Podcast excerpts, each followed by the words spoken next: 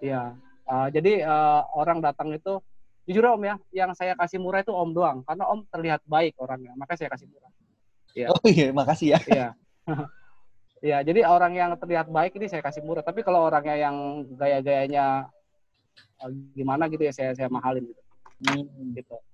Uh, ikan saya waktu di zamannya Om beli itu itu adalah itu paling paling murahnya itu 150, paling mahalnya 300. Itu belum ada ikan Thailand Om waktu itu, belum ada ikan Thailand. Iya, itu ikan ikan nyetak sendiri itu Om. Mm-mm. Belum ikan Thailand itu. Masih ikan cetak sendiri crossing-crossingan terus sampai F4 gitu lah. Mm-mm. Sampai saya itu punya cuma cuma punya indukan koi sama uh, koi gitu ya. Sampai saya bisa keluar fancy gitu ya dari koi sama koi bisa keluar fancy. Ada juga yang keluar fancy koi gitu kan. Mm-mm. Nah, di situ eh, ketika orang melihat di pasaran adanya koi klasik atau red ya gitu. Tapi gue sudah mengeluarkan perpaduan antara koi dan fancy. Jadi gue eh, seperti gue pernah eh, ke tempat breeder lain katanya itu namanya fancy koi gitu kan. Eh, dia sisik fancy tapi eh, coraknya itu patternnya pattern koi gitu kan. Mm. Nah dari situ eh, kita udah menciptakan ikan yang orang nggak ada gitu loh, gitu. Eh, dari koi sama koi ketemu pensi yang ikan rijekan. Pensi itu kan ikan rijekan dari koi ya.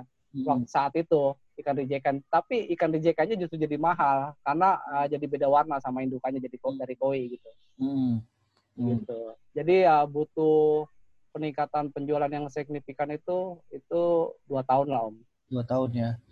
Berarti ini teman-teman mesti bersabar nih, jangan baru dua, dua bulan udah patah semangat ya Mas Dewa ya. Iya benar. Mm. Nah Mas Leo mau ada yang ditanya langsung nggak nih? Kalau mau ditanya langsung di audio audionya diaktifkan. Mana? Eh, iya, siang Om. Iya siang. Eh, mau tanya lagi soal branding ya. Itu kan kita namanya di sosial media itu pasti adalah tantangannya. Iya. Nah, menurut Bang Diwe itu tantangan yang paling berat itu apa ya saat kita branding ikan kita? Iya, tantangan yang paling berat ya otomatis musuh kita, Om. Musuh kita, pesaing kita. Itu. Dalam suatu perusahaan pun begitu. Kita itu kita itu bertemu dengan musuh-musuh kita eh, yang sama produknya, begitu. Nah, untuk menyikapinya kayak gimana? Untuk menyikapinya. Ya kalau lu ngelihat di Facebook ada orang posting ikan terus lu posting sejenisnya gitu sama gitu. Buat apa kayak gitu? Lu cari yang terbaik dari musuh lu gitu cari yang terbaik dari musuh lu. Lu uh, ada orang posting di Facebook misalnya uh, koi klasik gitu, koi klasik. Ya. Ekornya bagus, pin atas bagus, bawah bagus, bagus. Nah, lu lu postingnya jangan yang serupa. Kalau yang serupa lu belum punya nama, orang lebih cenderung ke yang posting yang pertama yang udah punya nama gitu. Lu cari yang uh, ikan lu yang kira-kira kok ini koinya beda gitu. Misalnya kok warna hitamnya lebih banyak gitu jadi black koi misalnya. Oh warna hitamnya lebih banyak, lebih padat, warnanya lebih strong. Nah ketika lu posting, pet, lu posting ya, uh, orang ngelihat, lah ini ikan ini lebih unik dari ikan yang posting kemarin orang lain gitu. Di situ lu, secara jujur di situ orang akan kepo-kepoin Facebook lu, akan kepo-kepoin Instagram lu. Pengen tahu. Nah, di saat orang kepo-kepoin, nah di situlah maksud tujuan gua, lu posting ikan yang cakep-cakep gitu. Ketika orang buka Facebook lu, lihat postingan lu atau Instagram lu, uh, gue bicara Instagram aja ya, gue nggak bicara Facebook karena Facebook bagi gue udah jauh lah untuk meng- menghasilkan duit itu lebih baik di Instagram.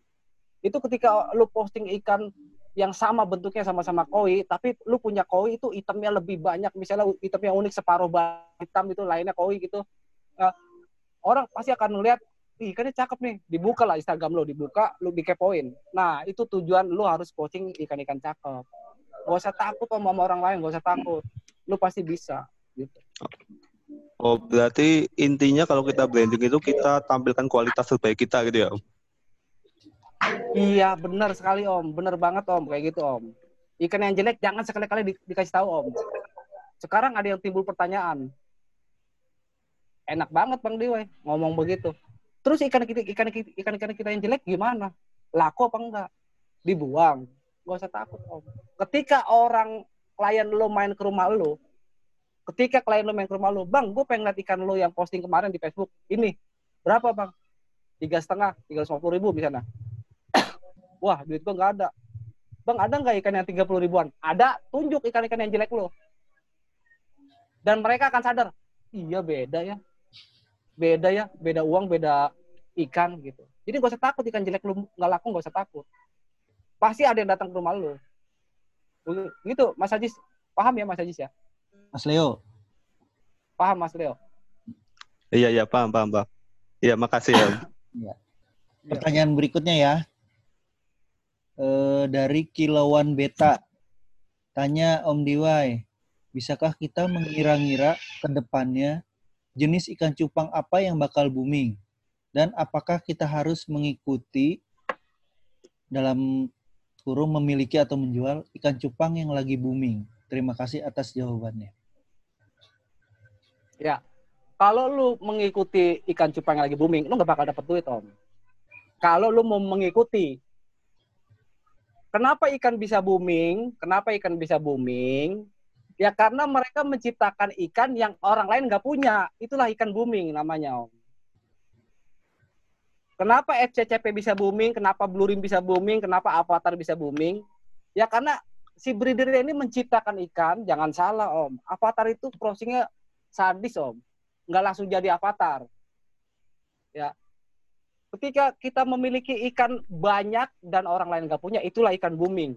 Ternyata ikan kita cakep. Nah kalau kita mengikuti mereka yang sedang booming, uh, kita beli indukan terus kita mau jual ya udah nggak booming lagi karena udah murah nggak mahal lagi gitu nah jadi lo harus menciptakan ikan-ikan yang unik ikan yang unik. Kalau kalau lu ikan lagi booming misalnya avatar, avatar godon lagi booming. Terus lu pengen gitu kayak mereka dengan harga mahal terus lu beli indukan 4 juta, 10 juta, terus lu breed uh, eh, 5 bulan dijual ikannya udah murah, Om. Gitu. Ikannya udah murah. Jadi kalau saran gue itu lu menciptakan ikan yang unik. Kalau buat para breeder yang unik, yang tiba-tiba ketika di, dikeluarin, ketika dipublish itu orang lain nggak punya. Begitu Om. Nah, Kilauan Beta menjawab. Apa mau tanya lagi? Silakan di unmute. Oke, makasih atas kesempatannya. Saya mau nanya lagi, Bang Kiwei. Iya. Uh, saya kendalanya kan masalah kualitas air nih kalau mau ngebreed. Iya. Jadi menurut Bang Giwe untuk mengatasi atau memperbaiki kualitas airnya itu Gimana caranya ya? ya. Terima kasih. Kalau ini di luar konsep ya Om Ajis ya? Iya. Mas Dila mau jawab apa enggak terserah. Iya, harusnya itu nanyanya kemarin sama Bedul atau sama iya. Nujaik Beta ya harusnya. Iya, nanti ya. malam. Iya. Iya. Kalau ini di luar konsep, tapi gini Om, ya. Tapi gini Om, ya. Saya akan bicara sedikit uh, tentang pengalaman saya, tapi bukan bukan guru ini, bukan guru tentang pengalaman gitu. Jadi saya nggak merasa, saya itu nggak pernah mengikuti teori om. Saya nggak pernah mengikuti teori, tapi saya berdasarkan pengalaman. Nah, uh, kenapa kita wajib mengganti air yang tiga hari sekali? Kenapa? Kenapa gitu? Kenapa tiga hari sekali? Gitu. Ya karena gini om, ketika air sudah turun, ketika air sudah turun dari pusatnya, itu air langsung mengeluarkan oksigen semuanya om. Ketika kita mengeluarkan air, misalnya dari sini, ya, ketika kita mengeluarkan air dari sini, ini air baru kita tuang kemari, ya. Ini air selama seharian dia mengeluarkan oksigen, Om. Mengeluarkan oksigen. Segini oksigennya banyak banget, Om. Nah, oksigen ini akan habis di saat tiga hari, Om. Habis. Ketika uh, di hari pertama ikan kita sehat, ikan hari kedua sehat, hari ketiga ikan kita di pinggir begini, itu udah kehabisan oksigen, Om. Nah, di saat itu juga kita harus ganti air. Gitu. Nah, untuk uh, apakah ikan kita air kita bagus ya. Uh, nggak ada salahnya. Uh, lu harus uh, punya alat tes pH untuk belajar gitu ya. Jadi uh, kalau gue ini uh, ini di tempat gue itu pH-nya itu begitu tinggi om. Begitu uh, kadang tinggi kadang rendah. Uh, rendahnya itu bisa 5 tingginya bisa 9 gitu om. Ya. Jadi uh, kalau kita tahu ikan cu ikan cupang khususnya itu di pH berapa, di pH berapa, nah kita beli tes pH, Nah, kita untuk menurunkannya bagaimana, untuk menaikkannya kayak gimana. Intinya uh, ikan cupang harus tetap dijaga airnya itu dalam uh, apa namanya tiga hari sekali diganti. Kalau om-om ini pada datang ke rumah gue pasti ada bilang kok om Diwai nggak sesuai dengan omongan ya. Uh, sering ngajarin ganti air, tapi ikan sendiri di rumah ini banyak yang kuncup ya. Itu udah beda persoalan karena gue nggak uh, selamanya di rumah. Gue kadang pergi keluar kota sampai tiga hari kadang gue ngesut gitu. Dan selama ini gue belum punya karyawan jadi gue ya ada ikan yang kuncup atau apa ya nanti gue perbaiki setelah gue pulang seperti itu. Tamu ya. Masuk masuk. Seperti itu om. Ya kilauan beta udah dapat itu tuh ya jawaban bonus udah makasih. di luar konsep pertanyaan berikutnya ini Indukan.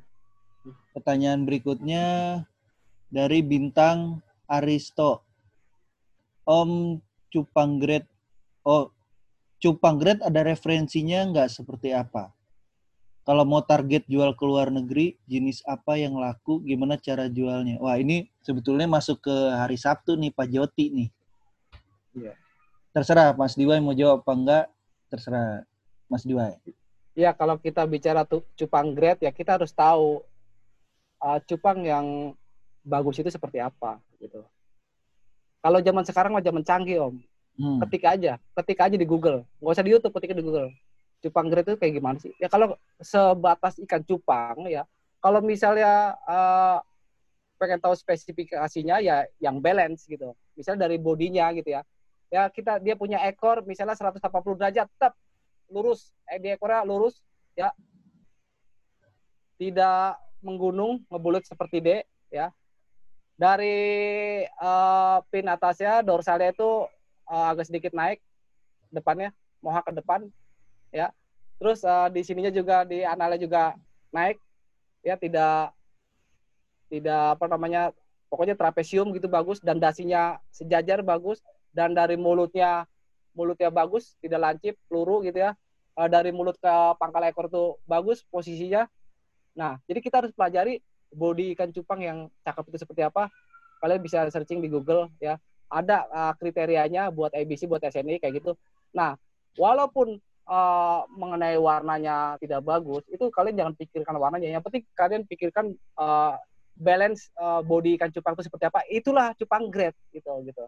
Nah, kalau kita bicara warnanya kayak gimana Bang Diwai? Warnanya. Nah, kita mau main di mana? Apa kita mau main di SNI apa mau main di ABC? Kalau main di SNI ya kita ya uh, misalnya main di multicolor ya warna apa aja pun bisa. Tapi kalau di ABC misalnya gitu ya, yang multicolor ya pembagian warnanya pecahannya ya seimbang. Di analnya ada tiga warna, misalnya di pin dorsalnya tiga warna, di dasinya bila perlu tiga warna, di badannya tiga warna, di ekornya tiga warna, pecahannya rata, yaitu grade-nya seperti itu kalau di ABC. Kalau grade di SNI ya seperti tadi, gitu. Seperti itu, Om. Uh, kalau mau target jual ke luar negeri, jenis apa yang laku? Oh ya. Jadi gini, Om. Uh, beberapa DM-an dari orang-orang uh, yang berbeda negara ya. Uh, contohnya, contohnya kayak di uh, Amerika, itu Amerika itu lebih tertarik sama Giant sama Half Moon. Beda-beda, beda negara beda beda negara beda uh, karakter jenis ikannya. Nggak sama gitu. Jadi kalau di Amerika itu dia lebih banyak ke Half Moon dan Giant yang kalau banyak DM ke gue orang Amerika gitu. Tapi mereka juga uh, tidak menutup kemungkinan untuk membeli yang jenis lain yang mereka anggap itu ikan unik warnanya gitu. Tapi kalau kalian uh, untuk Asia, untuk Asia kayak misalnya uh, Vietnam, Malaysia, Thailand, ya udah jelas eh, ikan-ikan plakat kayak gitu. Tergantung uh, dari dia sebagai penghobi atau sebagai pemain kontes. Kalau pemain kontes mah tetap aja om, yang dicari itu ikan-ikan kontes gitu, ikan-ikan ABC. Contohnya kalau misalnya dia mau main Dumbo Air ya dicari dia Dumbo Air kayak gini. Eh, apa namanya? Dumbo Air lagi apa namanya? Double tail gitu. Kalau mau cari yang harpoon dia cari harpoon yang seperti ini gitu. Jadi uh, lebih banyak itu pemain Asia Tenggara itu uh, dicari ikan kontes gitu. Ikan apa aja dibeli sama dia. Nggak nggak berpatokan sama plakat aja enggak karena Asia Tenggara ini kan uh, masuk ke kategori uh, pemain kontes yang barengan sama Indonesia. Jadi yang dicari sama dia itu ikan-ikan kontes kayak gitu. Hmm. gitu bintang Aristo mau nanya langsung atau kalau mau nanya langsung Makasih banyak Mas Bang Diwe ya, informasinya. Satu lagi Bang Diwe cuma mau nanya, Bang Diwe duluan main YouTube atau Instagram Bang Diwe? Duluan main YouTube. Saya nggak punya Instagram, baru Instagram. Oh siap. Gitu. Karena gini, uh, kenapa saya uh, main YouTube dulu? Karena sesuai dengan uh, apa namanya tujuan saya. Saya pengen ikan saya itu dikenal seluruh dunia gitu. Nah dunia itu apakah Instagram bisa? Dulu saya nggak tahu Instagram, nggak tahu. Nah, kalau dunia melihat uh, ikan kita ya berarti di YouTube gitu. Kalau di Facebook enggak juga. Di Facebook mah yang lihat ya, ya teman-teman kita gitu. Tapi kalau di YouTube itu yang lihat bukan teman kita gitu. Seluruh dunia gitu. Jadi uh, Instagram ya baru-baru kemarin aja gitu. Siap. Makasih Bang Dewi. Makasih Mas Dis. Iya, iya. Ya. Pertanyaan berikutnya dari Sakti Teguh. Bang, untuk menciptakan brand, apakah kita perlu fokus dengan satu jenis ikan saja untuk menciptakan karakter dari seller atau breeder? Ya, uh, enggak, enggak juga, enggak, enggak. Uh, untuk menciptakan brand, uh, kita uh, mau cetak ikan uh, satu aja gitu ya? Ya enggak, enggak juga. Ya nanti uh, ketika banyak orang pengennya Hellboy, ketika banyak orang maunya ini, ya kita nggak bisa gitu. Uh, ketika kita mau menciptakan brand, kita cetak ikan Hellboy yang bagus misalnya gitu, atau cetak CT yang bagus. Ya orang tahu gini, lu kalau mau CT atau mau Hellboy mah di sini gitu. Kalau kita semua ikan nggak ada, ya bingung. Kayak gue dulu uh, semua ikan gue cetak gitu. Dengan catatan yang terbaiknya yang diposting. Yang nggak baiknya jangan sekali sekali-kali ditongolin gitu. Hmm. Mas Sakti Teguh mau tanya langsung atau tidak? Diaktifkan audionya kalau mau tanya langsung. Oke, cukup Kak itu aja kok. Tadi. Terima kasih. Berarti. Nah, ini nah, jadi saya yang nanya nih. Untuk yang tadi nih, Mas Diwai. Hmm. Uh, perlu nggak sih kita nunjukin nih, kayak misalnya baru beli ikan atau yeah. baru menyetak ikan tertentu gitu. Mm-hmm. Berarti kan dia mau jadikan indukan misalnya, dia posting yeah. tuh not for sale. Mm. Itu perlu nggak kayak gitu? Atau malah nggak usah? Nah kalau orang bil, uh, posting ikan dengan not for sale itu boleh aja, tapi nanti ada efek sampingnya om. Hmm, apa itu? Efek, efek sampingnya itu lo dibilang sombong, oh. pamer lo, pamer lo gitu. Akhirnya mindset orang ke dia, orang tukang pamer gitu. Hmm, oh gitu ya, ya. Ya sering kita lihat tuh kan gitu warnanya keren. Kecuali iya kecuali kita ngomong om, masih kita bikin video di dalam videonya ngomong. Hmm. Ngomong, gue punya ikan nih kayak begini. Hmm. Kita baik-baikin sama sama para yang hmm. yang lihat lah. Gue hmm. punya ikan nih gitu. Kalau lo mau nih, lo bisa beli di sini gitu gitu kan hmm. kayaknya keren nih gitu jangan kita not for sale seolah-olah hmm. sombong gitu hmm, iya, iya. seolah-olah pamer gitu betul betul betul terus ini udah nih ya kalau warna mah prospek ke depan terus bang Dua tips-tips apa aja eh, ini dari Asifa tips-tips apa aja untuk pemula yang mau jadi seller atau breeder ya tips-tipsnya itu uh, sebenarnya udah diomongin terus ya. Jadi tip buat para seller itu ya uh, yang gue bilang tadi ya lu harus uh, pertama uh, lu harus beli ikan ya, beli ikan di breeder ya yang cakep-cakep. Yang cakep-cakep. Nggak jangan masalahin masalah modalnya tinggi, nggak usah, nggak usah takut. Nah, gimana uh, cara meningkatin penjualannya? Ya lu harus berani keluar uang juga buat promosiin gitu. Buat promosiin gitu. Hmm tunjukin ke orang bahwa lu punya ikan cakep melalui orang yang sudah punya nama gitu jangan salah om om bisa promosiin ke Luki Hakim entah berapa harganya saya juga nggak tahu gitu gitu seorang Mirjam Gulam Ahmad aja, seorang Mirjam Gulam Ahmad King Rostel itu masih promosiin ke Luki Hakim gitu. Ya kan? Ya karena uh, Mirjam Gulam Ahmad itu ya orang pinter. Dia hmm. tahu gimana caranya buat uh, nama kita lebih dikenal gitu. Kalau jujur aja Mirjam Gulam Ahmad itu emang otaknya otak-otak cerdik gitu. Uh, pinter gitu. Jadi dia uh, walaupun dia seorang youtuber tapi dia dia dia masih mempromosikan kalau tingkat yang lebih tinggi lagi gitu. Nah kalau dari channel Mas Diwai atau sosial media Mas Diwai, mm-hmm. uh, mungkin bisa diinformasikan nih Mas Diwai, gimana nih mm. teman-teman di sini nih di yang ya. sekarang yeah. gimana jadi cara gini. endorse-nya? Ya jadi gini Om, uh, hmm. kalau di saya itu kalau endorse itu berupa uh, apa namanya barang om kayak gini. Ini adalah endorsan saya dari perusahaan ini. Hmm. Ya. Tapi kalau yang namanya mau uh, orang mau tahu bahwa uh, di rumah om itu ada galeri ikan cupang, ada penjual ikan cupang, yaitu namanya promo, promosi. Ya caranya gini. Uh, om-om semua ini bisa undang saya ke farm, gitu. Bisa undang saya ke farm, datang Nah, tapi tapi ini ada ada biaya transportnya Om. Hmm. Transportnya buat buat tim-tim saya juga. Tim-tim saya itu bukan tim saya di rumah, bukan Om. Saya ambil pemain cupang yang uh, sekiranya membutuhkan uang jajan. Saya ambil kameramen yang bawa-bawain alat saya atau yang bantu saya nanti di farm gitu ya. Saya ambil empat orang Om ini semuanya orang yang butuh pekerjaan om, hmm. bukan teman saya, bukan. Nah kenapa saya minta transport ke om-om yang mau direview? Nanti uangnya itu nanti buat dia om. Hmm. Saya pulang mah nggak bawa duit kadang gitu. Iya. Kenapa bisa gitu? Misalnya saya Jabodetabek lima ratus ribu, ya.